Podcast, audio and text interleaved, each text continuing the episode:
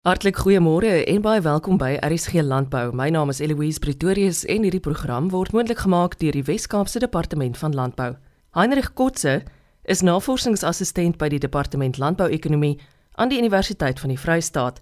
Hy is op die oomblik besig met sy meestersgraad en stel veral belang in waterbestuur en klimaatsverandering. Kotse het onlangs aan 'n internasionale gevalle studie byeenkoms in Nieu-Seeland deelgeneem. Ja, ek is nou besig met my meesters. Ek het my eerste 3 jaar, ons het 'n 3 jaar graad, net die landbouekonomie graad. Waar ander grade soos veekunde en so is mos maar 4 jaar grade met pioneers, maar ons pioneers is apart. So ja, dit het ek nou laas jaar my pioneers klaar gemaak en hierdie jaar is nou maar in volgende of hopelik maar ek, ek my plan is om hierdie jaar klaar te maak met my meesters. Waaroor doen jy die meesters?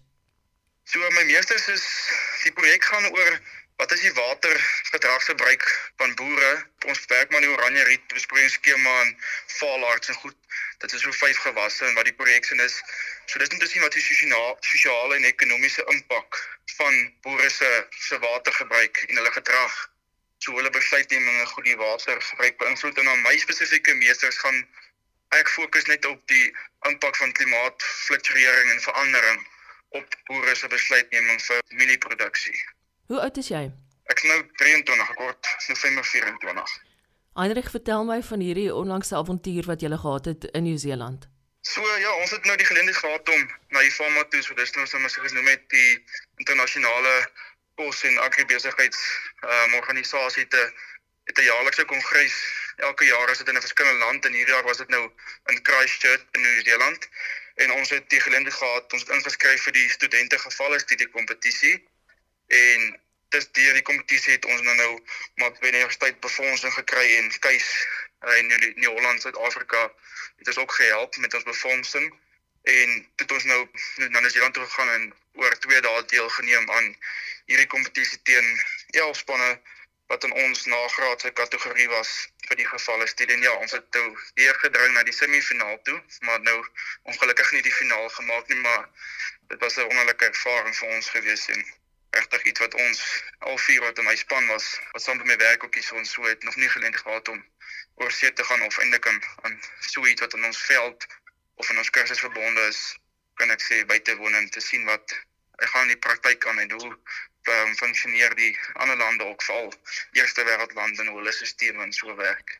Waaroor het julle 'n gevalle studie gehandel? Dit het gegaan oor die impak op produksie vir klein boere in Honduras. So wat baie keer gebeur is, um, maatskappye soos baie belê geld in projekte en dan na 2, 3, 4 jaar sal hierdie projekte dan nou doodloop omdat dit nie finansiëel en funksionerend volhoubaar is nie. So ons moes 'n uh, besluitnemingsraamwerk skep vir baie om en ons hulle die voor- of nadele bied van wat hulle geld waarvoor sal hulle geld gebruik word in die projekte wat hulle belê en hoe sal, sal ons opkomende boere in Honduras befonds en help om hulle produksie te verbeter want ongelukkig is produksie in lande soos Honduras en ontwikkelde lande baie swak. As gevolg van swak boerderypraktyke, nie goeie tegnologie nie, al daai tipe van dinge. En so moet ons die boere help om 'n stelsel te bou dat hulle hul produksie kan verhoog en uiteindelik sal baie dan bevoordeel word as die land se situasie en in um, vooruitsigte veral met landbou betrokkenheid verbeter. Wat is vir jou opvallend omtrent landbou in ander gedeeltes van die wêreld? Wat ek nou spesifiek gesien het of ons gesien het by by die kongres is dat Suid-Afrika is nog glad nie op die vlak van lande soos Nieu-Seeland, Amerika, verskeie lande in Europa as dit kom by tegnologie en tegnologiese toepassings en uitbreiding. Ongelukkig dink ek die grootste probleem is maar is maar befondsing en geld en toepassing van hierdie tipe tegnologie. Ek dink daai lande het net baie meer kapasiteit om hierdie tipe ontwikkelings te doen en toe te pas. So dit was vir my regtig vir ons almal ontvallend om te sien dat Suid-Afrika is nog heelwat agter as dit kom by nuwe praktyke in in landbou en tegnologie wat hulle toepas um, om produksie te verbeter en ook om natuurlik meer meer doeltreffend te wees. Waarmee sou jy sê is ons wel baie goed in vergelyking met ander lande? Ek sou sê die um produksie self. Ek dink nog steeds al het ons die tegnologie en en en daai hulpbronne in Suid-Afrika se produksie in terme van die arbeid en die toepassing van die beskikbare tegnologie wat hulle het en kapasiteit van boere. Ek dink daar is ons definitief op 'n goeie plek en ek dink die innovering wat boere gebruik buiten die huidige tegnologie en die toepassing daarvan dink ek definitief sit ons op 'n op 'n hoër vlak en of op 'n kan ek sê soortgelyke vlak as res van die wêreld se beter produserende landbousektore. Hendrik, ek wil dit terugbring na jou eie veld van belangstelling. Sê vir my 'n bietjie ja, daaroor ja. en wat jou 'n meestersgraad tot op hede vir jou gewys het en wat jy bygeleer het wat regtig opvallend was. So, val moet ons fokus op water spesifiek en omdat die projek op 'n waternavorsingsmissie gebaseer is en goed. Kyk ons baie in die gebruik van water en in hoe boere hulle besluitneming en goed baseer op water.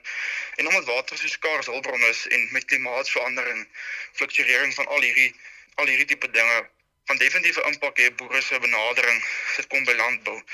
En ek dink so dat jy my proses so ver met my meesters en my graad dat ek gesien het veral die besluitneming van boere en hoe hulle water gebruik en allokeer en daai tipe goed gaan tog 'n sneeubal effek op landbouproduksie want as boere nie kan produseer nie, is daar nie genoeg kos nie, het hulle nie genoeg opbrengs dit per jaar nie. En so beïnvloed dit ook nou hulle eie produksie en hulle kan nie arbeid betaal nie, hulle moet dalk mense afskaaf en met die fluktuering in pryse soos ons sien net die laaste tyd en hoë insetkoste en goed maak mens tog bewus van boere se probleme maar tog is die produksie wat hulle het elke jaar tog vir die belangrikste vir die landbousektor en tog steun soveel mense op die landbousektor al is dit 'n hoë watergebruiker sonder landbou kan ek amper sê is daar niks nie in my opinie. In myne ook. Okay nee goed dan sê ek vir iemand sê verstaan my. Natuurlik Heinrich binne jou eie navorsingsraamwerk en die dinge wat ja. jou interesseer wat sou jou raad wees aan Suid-Afrikaanse boere op hierdie stadium? Jong om vas te byt. Die ding is ek weet die pryse en goed is is nie altyd in mense guns nie en as dit kom by wol en by vleis en by en by ehm um, gewasse ook. Maar tog sien ek dat mense moet eet. Mense het kos nodig mense het produkte nodig wat landbou verbonde is. So as dit tog altyd aanvraag wees. Is al is al mense wat immigreer of verskuif of al daai tipe van dinge tog gaan mense steun op op landbou en op landbouprodusente en op hulle produkte. Want op die einde van die dag het almal soos ek sê dit nodig om te oorleef en so kom uh, hulle eie um, besighede en maatskappye voort te laat bestaan in in, in daai opsig. Heinrich, dis my altyd 'n voorreg om met jong mense in landbou te gesels soos jy. Veronderstel ek is 'n boer en ek is vanoggend ingeskakel en ek dink ek moet nou regtig hierdie ou se besonderhede in die hande kry want ek wil weer met hom gesels. Wat is 'n ja, ja. wat is 'n goeie manier om jou in die hande te kry? Ag ek dink hulle my persoonlik kontak. Ehm um, my selfoonnommer so dis 082 466 0649 of hulle kan my ook 'n uh, persoonlike e-pos stuur. So dis Heinrich C kotse@gmail.com. As ek dit terug moet vat na ons ervaring in Nieu-Seeland dink ek het ek gesien dat dit is 'n land wat baie voor ons is as dit kom by sulke tegnologie en dit is skoon en netjies en alles werk dalk bietjie beter as hier, maar tog na die 5de dag so as ek wil is vir braaivleis en vir vir ietsie, van Suid-Afrika so. Ander lande het hulle goeie goed, maar Suid-Afrika kan tog kompeteer en ons het ons ons positiewe punte en so dink ek sal ons altyd terugbring en mense hier hou en dis hoekom ek dink ook vir die vis vir die boerdery en vir die landbou en ek persoonlik sal nie noodwendig in die kort termyn wil verhuis of so nie. So ek dink ek was daarmee ek het dit er, ervaar maar tog sit elke land met sy uitdagings en sy dinge en ek dink waar ook al jy gaan daar sal jy maar jou probleme vind. So ek dink waar jy jouself bevind in die in die hedendaagse wêreld moet jy maar die beste maak daarvan. En dit is maar wat ek kan sê. Heinrich, dis heerlik om met jou te gesels. Ek wens jou alle sterkte en sukses vir die toekoms, hoor jy? Baie dankie Louise, goed gaan. Heinrich Kotze is navorsingsassistent by die Departement Landbou-ekonomie aan die Universiteit van die Vrystaat. Dr Mike Wallace is spesialis wetenskaplike en spanleier by die geografiese inligtingstelsels afdeling by die Wes-Kaapse Departement van Landbou. Hy het onlangs 'n innovasie toekenning van die plaaslike regering ontvang. Sy span het goud gewen in die kategorie. Hy verduidelik hoe die betrokke webtoepassingsnavorsing wat deur die toekenning vereer is vir boere landwyd van waarde is. Want dit uh, gaan oor werk was wat ons as die GIS span en dis nou vir die wat nie weet nie geografiese inligtingstelsels gedoen het oor die laaste paar jare om drie web web toepassings te ontwikkel en ondersteun wat verskeie inligting en data maklik beskikbaar stel aan ons kliënte. So dit gaan hoofsaaklik oor uh, die drie web web toepassings. O ek ek gaan liewer sê die woord app gebruik wat ons oor die jare ontwikkel het. En die eerste van daai is die bekende Cape Farm Mapper. So ek gaan nie in te veel detail ingaan oor die ene want hy is al 'n paar keer op op die program bespreek. Ons het jare terug besef dat ons op 'n goudmyn van van data sit in die provinsie. En dit is nou data en inligting oor landbou, klimaat, natuurlike hulpbronne, plantegroei, natuurbewaring en so voort. Ons het daai projek begin om daai klomp data beskikbaar te stel aan die publiek op 'n user-friendly kaartgebaseerde webwerf. En Cape Farm Mapper was oorspronklik ontwerp hoofsaaklik vir ons eie amptenare vir interne gebruik en die gebruik van ons medewerkers op uh, verskeie op verskeie streeksontwikkelingsprojekte, bewaringsplanne en sulke goed. Maar dit het egter geweldig gegroei en ons gebruikers het nou naby aan aan 2 miljoen sessies nou al gelog in die omgewing van 50000 gebruikers per maand op die oomblik. En dan uh, soos ek sê, daar was drie. Die volgende was die skep van 'n netwerk van outomatiese weerstasies wat data outomaties voer na 'n intydse webtoepassing. En dit is nou gratis en oop aan almal en gee toegang na 25 weerstasies op die oomblik. En dit is nou ook op 'n mobile app wat maklik gebruik kan word op uh, selfone en so, en sulke goed tablets en sulke goed. En laaste was dit die ontwikkeling van 'n app wat toegang gee aan near real-time of intydse en historiese uh, satellietbeelde. En dit is ook bruikbaar op op selfone en so voort. En dis nou die Sentinel-2 of Sentinel-2 app wat ons ook op op hierdie program uh, voorheen bespreek het. So basies laat dit laat dit die gebruikers toe om maklik toegang te kry aan die Sentinel-2 satellietbeelde, asook die bekende Landsat uh, satellietbeelde.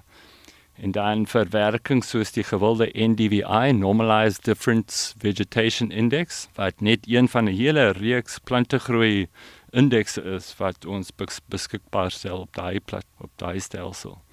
En dit kan inligting verskaf oor landbou of veldproduksie of toestand op plaasvlak of op 'n streeksvlak. En ons kan daarmee 'n maklike punt, 'n kamp of 'n streekse produksie vergelyk met produksie vir daai selfde plek van vorige jare. En dit kan ook 'n uh, goeie early warning sein gee vir probleme wat nog nie sommer met die oog in die lande gesien kan word nie. So ja, dis basies uh, waaroor die die toekenning gegaan het. Dis alles ongelooflik. Ons het al voorheen lekker gesels oor die Sentinel, soos jy nou uitgewys het ook.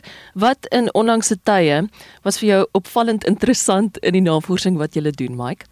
dit tref mense hoe hoe hoe hierdie inligting gebruik word in in die in die sektor, nie net in ons sektor eintlik verwante sektore ook, soos ek gesê het bewaring, ehm um, streeksbeplanning. Hulle besef nou hoe goed is hierdie tipe inligting vir beplanningsdoeleindes.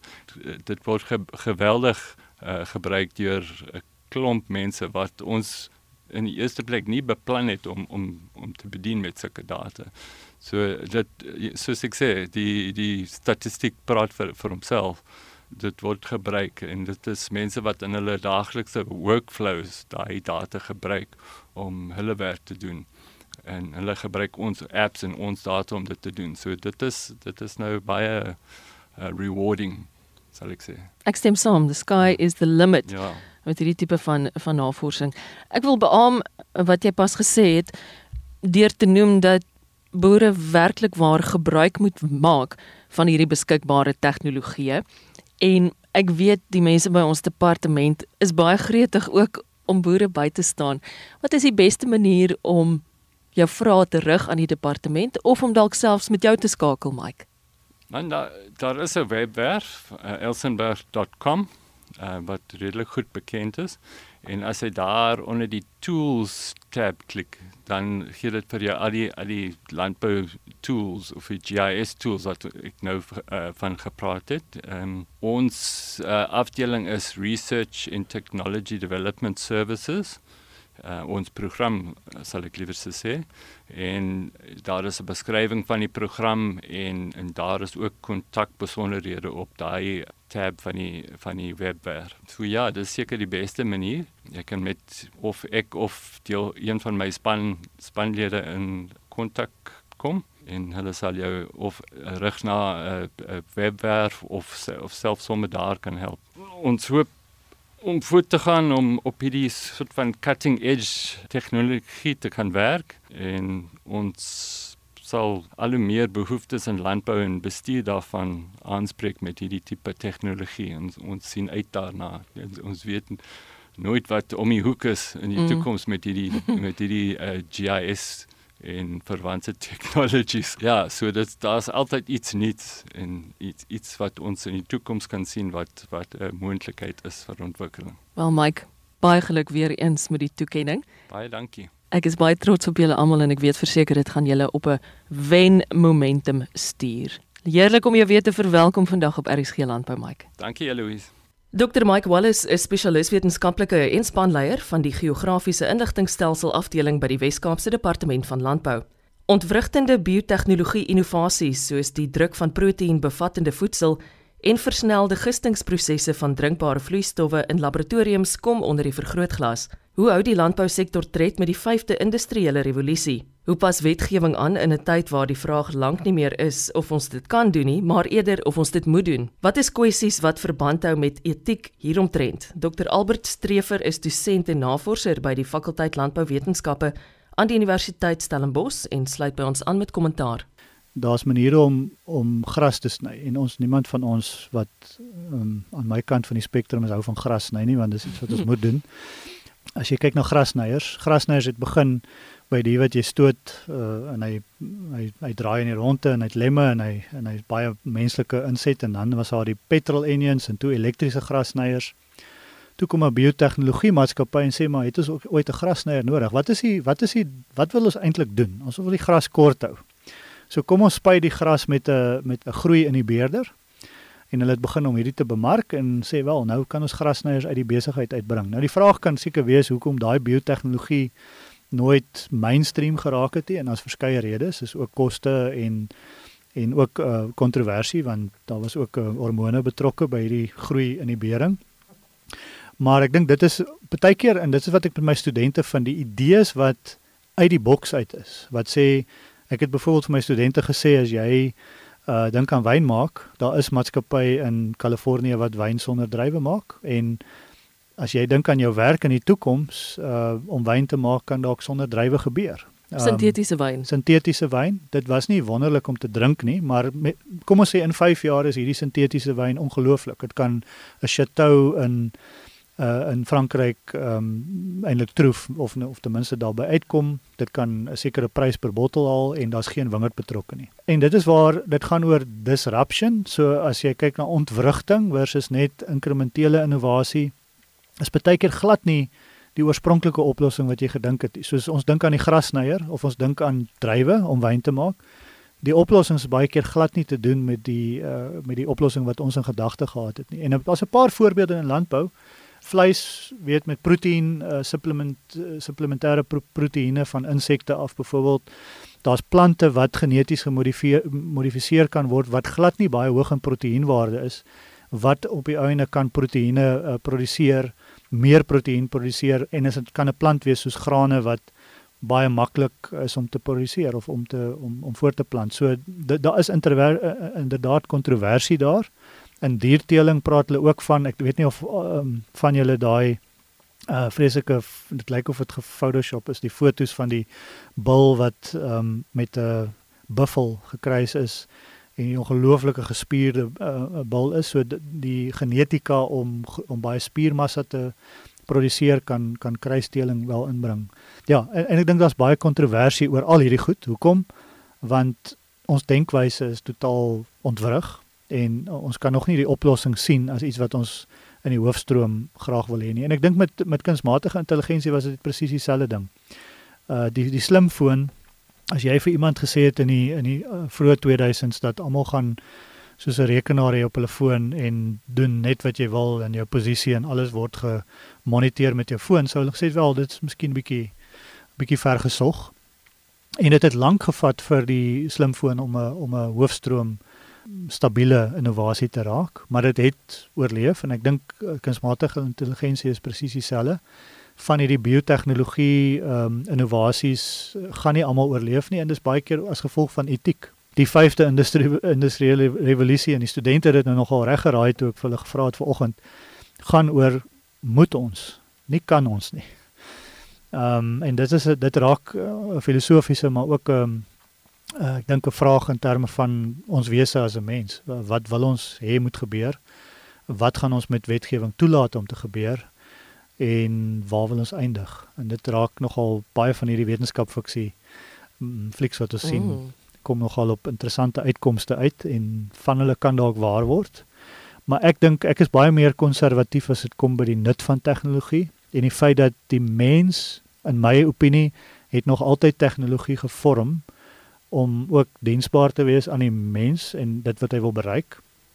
Ek dink dit gaan lank vat voor jy tegnologie gaan toelaat om vir jou te dink en alles vir jou te doen mm. en ek dink dit gaan net ja, dit gaan mens die mensdom net armer maak soos dit sou toelaat.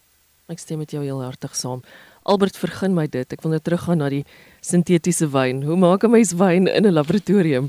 Wel, dis 'n chemiese proses. As jy dink aan wyn maak, wyn maak die komponente van druiwe, as jy dit kan bymekaar voeg op 'n manier, die die probleem met wyn maak wat dit so ongelooflike proses maak en 'n fascinerende proses maak is dat jy lewende organismes het wat natuurlik die giste wat hier 'n uh, um, iets omskakel van druiwesap wat nie baie interessant is en baie uh, aantreklik is om net so te drink nie tot iets wat baie kompleks is. So dis nie en dis nie net die gis wat ons byvoeg hier, dis ook natuurlike giste wat selfs uit die wingerde kom. Ehm um, so ek dink om dit te simuleer gaan tyd vat en moeilik wees. Die maatskappy wat ek van praat het letterlik net die gaan kyk na die analitiese deel van wyn. Dis sure, dis daar's water natuurlik in. Daar is organiese komponente in van druiwe wat hulle net gaan simuleer het. Ehm um, met vaste stowwe en dan die chemie gaan bymekaar sit. En ja, dit was nie wonderlik nie. Die die wynproeër wat dit geproe het gesê dit uh, proe soos 'n uh, acidic soup, sop wat 'n bietjie suur by het. Maar dit kan verander dalk. Daar kan 'n mens die gistingsproses bespoedig uh of aan iets anders organies as gisting gebruik om hierdie gistingskompleksiteit te simuleer en dit kan ook heeltemal verander en jy kan wyn letterlik in 'n flesie maak. Ons maak wyn in flesie, maar ons gebruik druiwe by die universiteit. So die uh, idee om nie uh bulle of uh vee te gebruik om vleis te maak is al ek wil amper sê dis ook al gister se nuus. Uh maar die idee om vrugte of wyn te maak of ander produkte te maak van iets wat nie vrugte is nie, gaan ook redelik kontroversieel wees, maar dit of dit gedoen kan word of nie. Ek sal baie vinnig my woorde moet tel as ek sê nee, dit kan nie gedoen word nie want ek kan my woorde dalk vinnig sluk. Dis 'n riem onder die hart om te sien dat die ontwikkeling van alkoholvrye wyn nogal baie aandag kry. Ja, alkoholvrye wyn is 'n baie interessante veld omdat die navorsing gaan nou daarin uh, om mense het altyd gedink jy vat net 'n swak wyn en jy kan die alkohol verwyder en jy kan dit op die mark sit. Die interessante ding is dat alkoholvrye wyn, soos die proses is, ons begin met 'n gewone wyn en ons haal die alkohol uit. Maar baie keer is hierdie proses gaan ook gepaard met die verlies van van geurkomponente of verlies van tannine of sekere ehm um, kom, uh, komponente wat die wyn kompleks en en lekker en en en en, en elegant maak.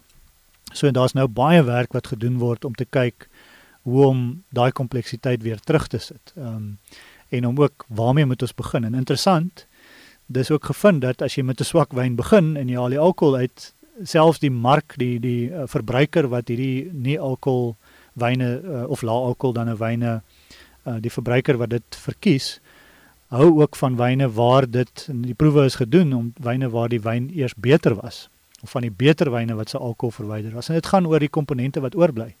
As jy die alkohol, die alkohol help natuurlik om die wyn te trou, om die wyn se komponente op 'n sekere manier bymekaar te hou en en die ervaring van die wyn ook ook in 'n sekere rigting te stuur. So alkohol het ook 'n uh, impak op die die die gevoel, mondgevoel, maar ook op die smaak van die wyn En as jy dit dan wil simuleer, is dit nogal nie so maklik nie. En daar word baie werk nou gedoen oor hoe om 'n beter alkoholvrye wyn te maak. Wat selfs mense wat nie hou van die idee daarvan nie, sal ehm um, sal graag wil hê. Want ons jong generasie en dis 'n groot tendens wat ons sien ook in die bemarkingskant.